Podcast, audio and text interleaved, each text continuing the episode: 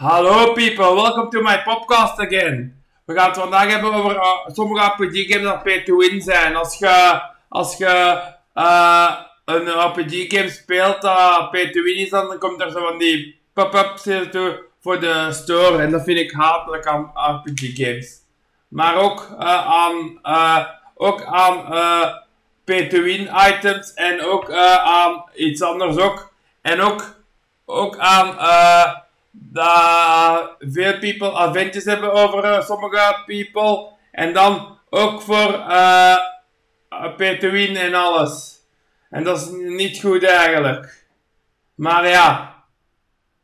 Ik versta ook de company daarachter dat die ook uh, centen willen hebben. Maar ik wil dat niet hebben dat ik Peter moet altijd doen. Want ik wil eigenlijk ook gewoon spelen die RPG games. En ik wil gewoon geen paywall hitten als ik uh, level up tot level zoveel. En dan is de paywall, moet je payen tot als je, als je weer een level omhoog kunt. Maar ja. Ik kan toch niks zeggen tegen, die companies, want die companies zijn groot. Maar ja.